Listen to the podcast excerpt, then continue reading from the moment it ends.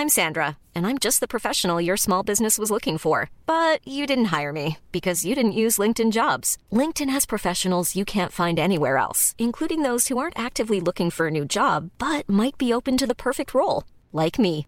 In a given month, over 70% of LinkedIn users don't visit other leading job sites. So if you're not looking on LinkedIn, you'll miss out on great candidates like Sandra. Start hiring professionals like a professional. Post your free job on linkedin.com/people today.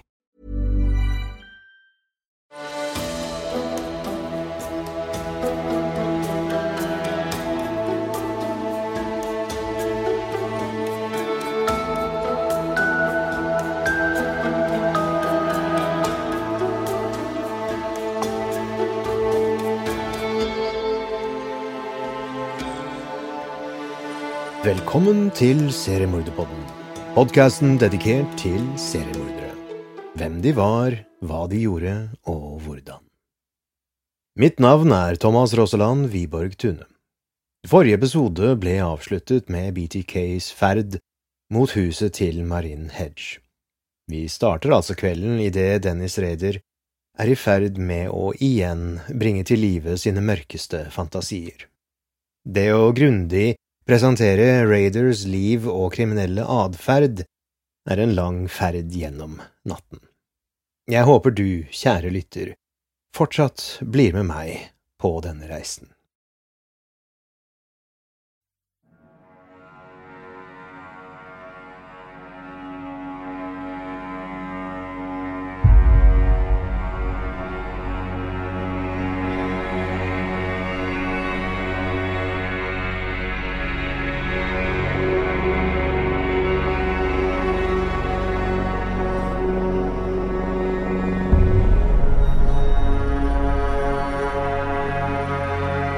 Huset til Marin Hedge viste dempet belysning innenfra, og bilen til Marin sto utenfor. Det at hun var hjemme, var ikke en del av reders plan, noe han ergret seg grundig over. For alt han visste, kunne hun ha besøk, noe som ville komplisere ting, og sannsynligvis gjøre at han ikke kunne oppnå fullstendig tilfredsstillelse av sine fantasier. Før han brøt seg inn i huset, kuttet han telefonlinjen nede ved ytterveggen. Inngangsdøren brøt han opp så stille han kunne ved hjelp av en skrutrekker. Da døren til slutt åpnet seg, krøp han inn. Huset var stort sett mørkelagt, og han forsto at selv om bilen hennes var utenfor, var ikke Marin hjemme. Han frydet seg. Hans plan om å overraske henne kunne bli gjennomført likevel. Kort tid etterpå, bare minutter etter at han hadde brutt seg inn, smalt det i en bildør, og han hørte stemmer utenfor huset. Det var både en kvinnestemme og en mannsstemme. Raider ante ikke hvem denne mannen var, og kunne ikke risikere å bli overmannet av ham. Så han gjemte seg i et skap. I over en time sto han så stille han kunne inni det trange skapet, mens Marin og den ukjente mannen snakket sammen. Til slutt sa de farvel til hverandre, og Marin gikk til sengs og la seg. Hun sovnet raskt, men eh, våknet da Raider krøp opp i sengen med henne. Marin rakk så vidt å skrike i frykt før Raider grep henne rundt halsen og strammet til alt han maktet. Marin vred på seg i dødssmerter og frykt, men Raider slapp ikke taket. Da han kjente det knase i halsen hennes, klemte han ekstra til, og Marin mistet bevisstheten og døde. Han satte seg opp i sengen og følte seg fantastisk. Nå skulle han ta seg god tid, hadde han bestemt seg for. Først kledde han av henne alle klærne så hun lå naken foran han. Det er mulig han utførte seksuelle handlinger på henne der i soverommet, men det ble ikke funnet noen spor etter sæd der, så det er eh, usikkert. Det vi vet, er at han rullet henne inn i sengeteppet på sengen. Så bar han henne, hun var en lett, liten kvinne, og la henne i bagasjerommet til bilen hennes. Etter at han lukket igjen bagasjerommet, så han seg raskt rundt for å forsikre seg om at det ikke var noen vitner i nærheten. Det var det ikke. Natten var helt stille. Han kjørte bilen med liket i bagasjerommet til kirken han var kirketjener i, Christ Lutheran Church. Det var i denne kirken han satt med familien sin hver søndag og sang salmer og sa trosbekjennelsen sammen med menigheten. Nå hadde han ganske andre planer. I kirken lekte han Gud. Han hadde fullstendig kontroll og manipulerte kroppen til Marin akkurat slik han ønsket. Like hennes bar han frem til alteret og tok høye hæler på de kalde føttene hennes. Så begynte han med å ta bilder han kunne bruke til å tilfredsstille seg selv senere. Han stilte den bundne kroppen hennes i utuktige stillinger. Jo mer ydmykende stillinger, jo bedre. Da han følte han hadde nok fotomateriale, bar han Marin ut til bilen igjen og kjørte i mørket ut på landet og heve henne ned i en grøft før han kjørte tilbake. Han hadde brukt en god del tid på dette drapet, det nærmet seg daggry, og han måtte skynde seg tilbake til speiderleiren. Han parkerte Marins bil, en Monte Carlo, ved Brittany kjøpesenter. Deretter fant han sitt eget kjøretøy og kom seg tilbake til speiderleiren. Han sto opp neste morgen med alle de andre fedrene og guttene. Noen uker senere, etter at Marins kropp hadde blitt funnet, delvis råtnet og spist på dyr, hørte han et rykte blant naboene om at kanskje kjæresten til Marin Hedge hadde drept henne. Selvsikkert sa han at han trodde ikke noe på det, dette var nok verket til en langt mer sofistikert morder. Vicky Vegarl var en vakker kvinne som levde et typisk amerikansk kjernefamilieliv. Mannen hennes, Bill, var kjent som en stødig kar som kanskje fremsto litt avmålt. Deres ni år gamle datter Stephanie var populær på skolen og lignet sin mor. Vicky var vanligvis hjemme på dagtid og tok seg av sin to år gamle sønn Brandon. I det lille huset deres på 2404 West 13th Street. Som husmor tilbrakte Vicky mye tid med barna sine, i tillegg til at hun hadde lært seg å spille piano, noe hun praktiserte daglig. Hun satt også barnevakt for den nyfødte sønnen og den to år gamle datteren til Wendy Jones, en venninne av henne. Vicky elsket babyer. Hun meldte seg frivillig som barnevakt ved St. Andrews Lutheran-kirken, som hun gikk på, og på Asbury United Methodist-kirken, som var i nabolaget hennes. Wendy mente Vicky hadde et naturlig, rolig morsinstinkt. Hun hevet aldri stemmen, selv når babyer testet tålmodigheten hennes. Noen ganger, da Wendy kom til Vickys hjem for å hente barna sine, endte de to kvinnene opp med å snakke sammen i timevis, før Wendy dro hjem med barna. Mens Vicky spilte piano med stuevinduet åpent, satt Dennis Raider i bilen sin på den andre siden av veien og lyttet tilfreds. Han likte det han hørte, og han likte det han så. Kvinnen var ung, hun var blond, og hun var vakker. Han kalte henne Project piano. Etter at Bill sluttet i jobben som innebar å vedlikeholde leilighetsblokken Indian Hills, begynte han å jobbe som maler.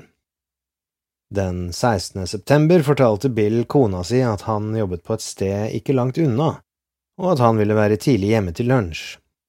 Han måtte ta en pause i malingen for å la det første strøket tørke. Han likte å tilbringe tid med Vicky og Brandon, som nå tuslet rundt i huset. Det var et hyggelig hus å komme hjem til. Kone, barn, musikk. Noen ganger spilte hun piano mens Brandon tok seg en lur. Bill elsket familien sin overalt på jord. Raider hadde endret visittkortet sitt til å se ut som et telefonselskaps identifikasjonskort. Han hadde en gul hjelm levert av ADT, han hadde klippet ut en del av omslaget til en reparasjonsmanual fra telefonselskapet han brukte, og limte på hjelmen. Dette i håp om å utgi seg som telefonreparatør. Kofferten han bar med seg så offisiell ut, men inneholdt forsyningene til drapssettet sitt. Tau, snor, kniv, pistol. Han hadde lagt inn noe nytt denne gangen. Skolisser i lær, bundet inn i det han kalte en kvelerigg. Han eh, trodde at skinnet, tynt og sterkt, kunne få kvelningen til å gå raskere. Han hadde knyttet knuter i lissene for å gi seg selv et bedre grep. Han parkerte varebilen til ADT, arbeidsgiveren hans, på parkeringsplassen til Indian Hills kjøpesenter, tok på seg hjelmen og gikk over gaten mot den blonde kvinnens hus. Men først dro han hjem til hennes eldre naboer. De slapp ham inn, og han lot som han sjekket telefonlinjen deres. Han ville at den blonde kvinnen, hvis hun så ham, så skulle det se ut som om en eh, telefonreparatør som jobbet i nabolaget. Da han forlot det eldre parets hus, gikk han til den blonde kvinnens dør. Han hørte pianoet. Da han banket på, stoppet musikken. I døren så hun skeptisk på ham. Han sa han var der for å sjekke telefonlinjen. Bak kvinnen så han en liten gutt i stua. Hun spurte om det var nødvendig å komme inn i huset ettersom telefonlinjen var i bakgården. Hunden var der ute, men eh, hun kunne ta den inn. Han avfeide dette med å insistere på at eh, han denne gangen måtte inn i selve huset. Som han husket senere, likte hun ikke dette, men hun slapp ham inn. Hun viste ham telefonen i spisestuen. Etter å ha latet som om han undersøkte telefonen, han hadde til og med tatt med seg et tulleapparat som han hadde skrudd sammen for at det skulle fremstå som et telefontesteinstrument, så rynket han på pannen, la fra seg tulleapparatet og åpnet kofferten igjen. Denne gangen tok han frem pistolen. Med et fullstendig annerledes ansiktsuttrykk sa han rolig til Vicky at de skulle gå til soverommet. Vicky var livredd og spurte hva hun skulle gjøre med barnet sitt. Redu sa at han ikke brydde seg om barnet hennes. Da Vicky påpekte at mannen hennes kom til å komme hjem innen kort tid, sa Raider at han håpte for alles del at han ikke kom hjem altfor snart. Selv om han fremsto rolig, kokte det inni ham. Med en mann inne i bildet kunne han ikke bruke like lang tid som han ønsket. Han fikk henne til å legge seg på vannsengen i soverommet mens hun gråt og prøvde å trygle om å la henne være. Han bandt håndleddene og anklene hennes med skolisser i lær. Vicky begynte å be høyt til Gud. Plutselig trakk hun hendene og rev opp bindingene og begynte å slåss.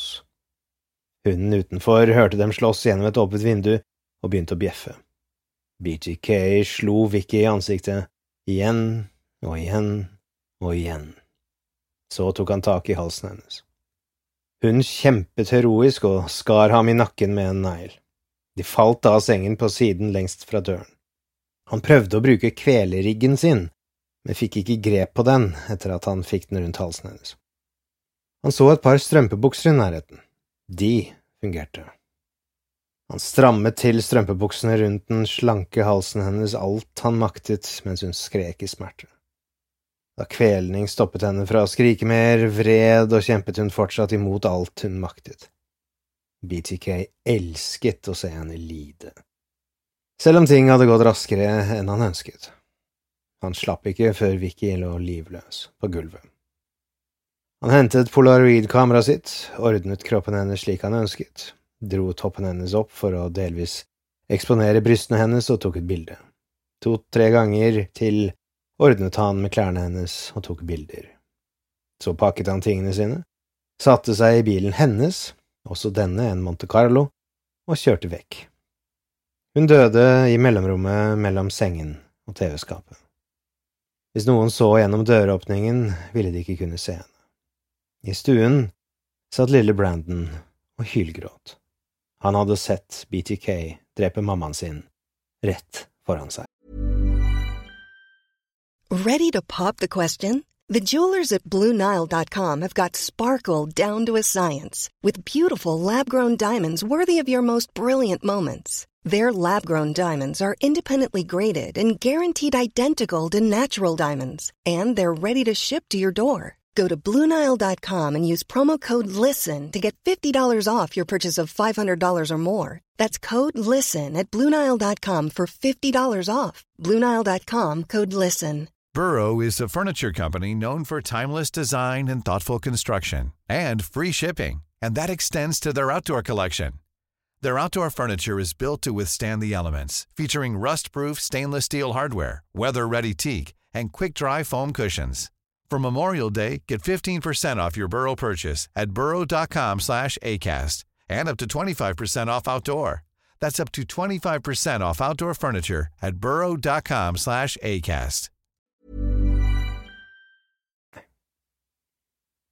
Bill the Girl dro hjem tidlig til lunsj som planlagt. Ved 13th og West Street passerte en Monte Carlo ham og kjørte motsatt vei. Bill trodde det var hans kones bil, før han så en høy mann ved rattet. Da han kom hjem, var Monte Carloen borte, og det samme var Vicky. Det gjorde ham opprørt ettersom sønnen deres var alene hjemme. Bill kunne ikke forestille seg hvorfor Vicky ville kjøre av gårde og forlate en toåring alene.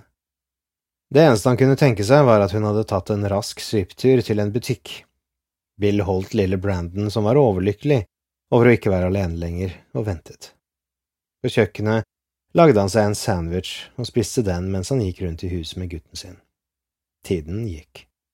Han ble mer og mer bekymret. Han måtte jo tilbake på jobb.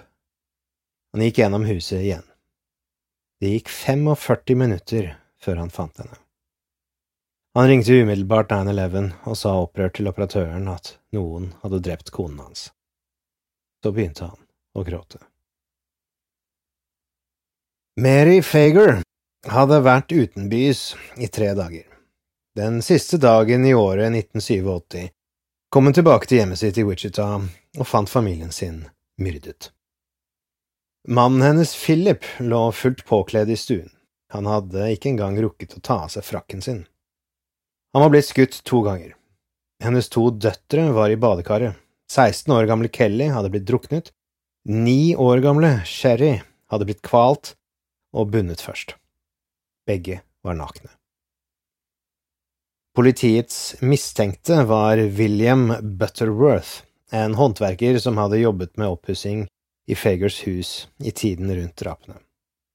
Han ble funnet 2. januar 1988 mens han kjørte Fagers bil i Florida. Han hadde tømt bankkontoen sin før han dro. Butterworth sa at han var uskyldig i drapene.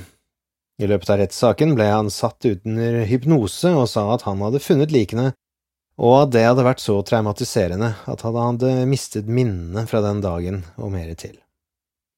Siden det ikke fantes fysiske bevis, ble han eh, frifunnet. Før rettssaken mottok Mary Fager et brev fra BTK-morderen.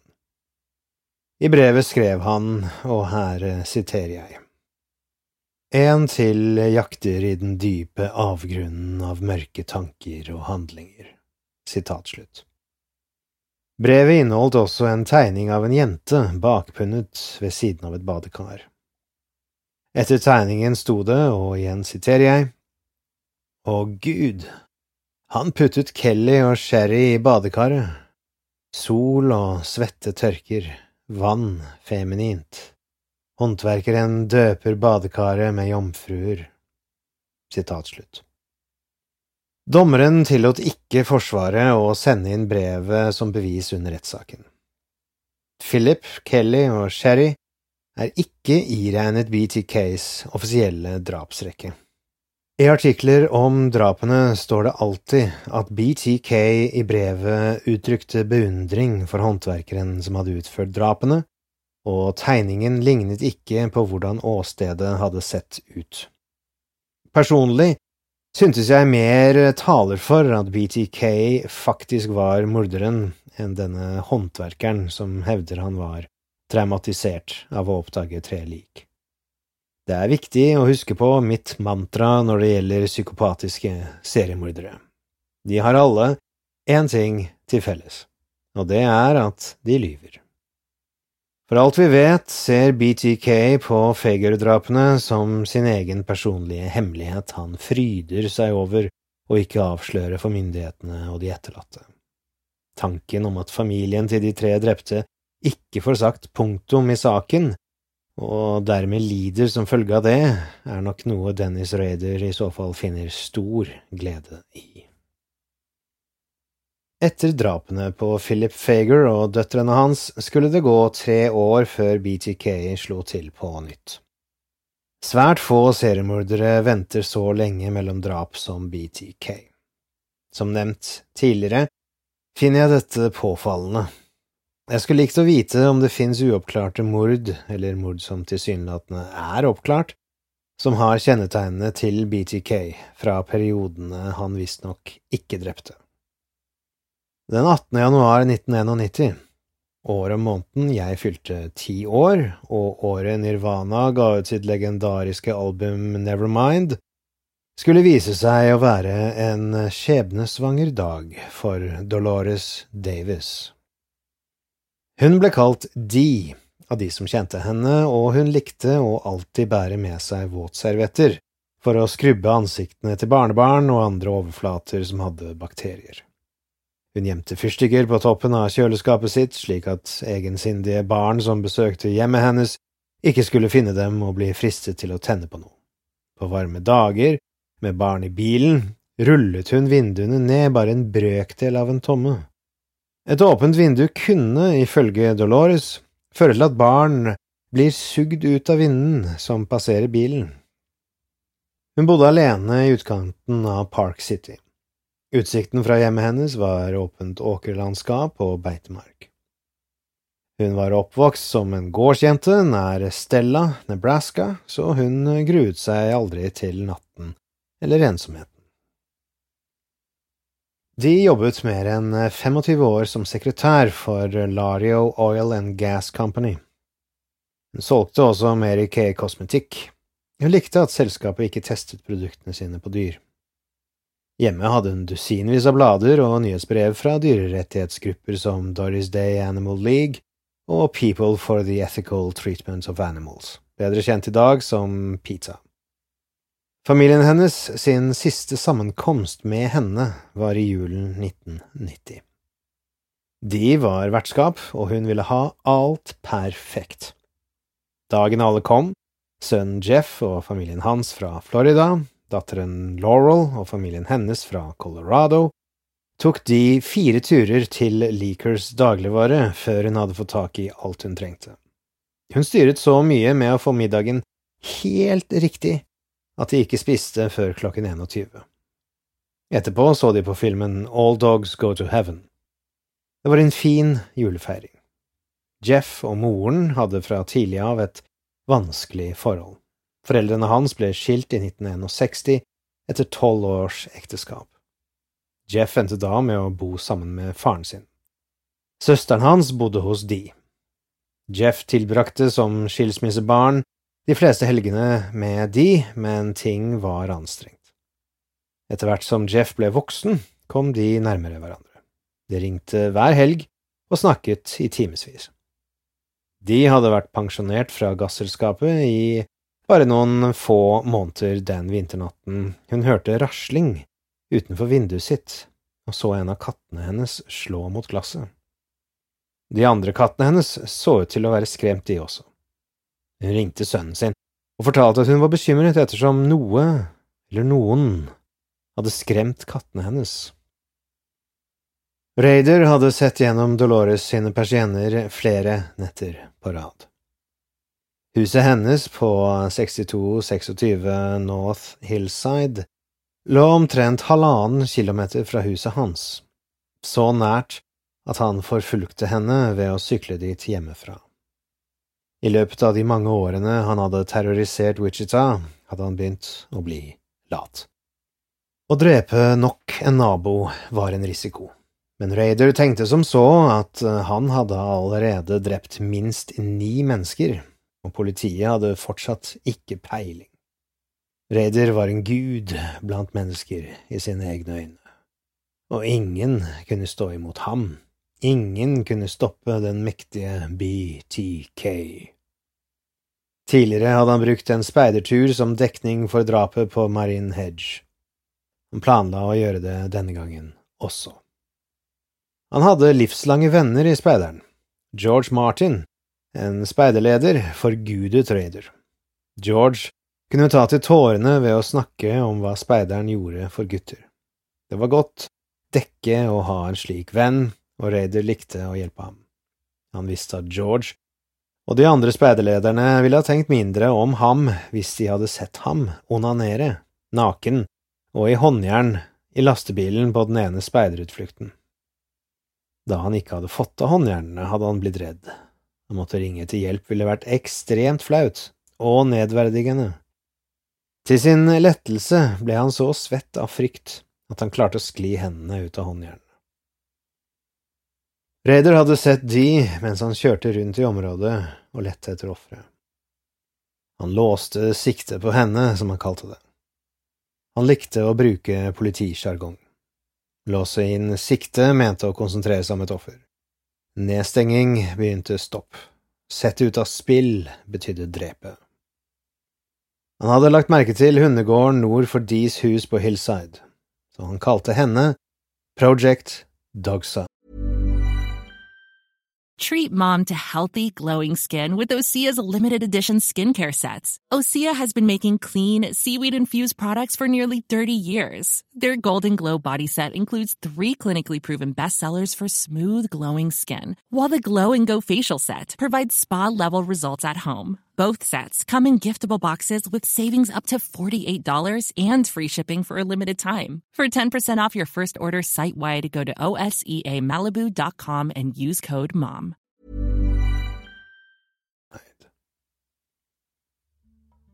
Og med det kommer vi til slutten av den tiende episoden av Seriemorderpodden, og slutten på del fem i sagaen om BTK.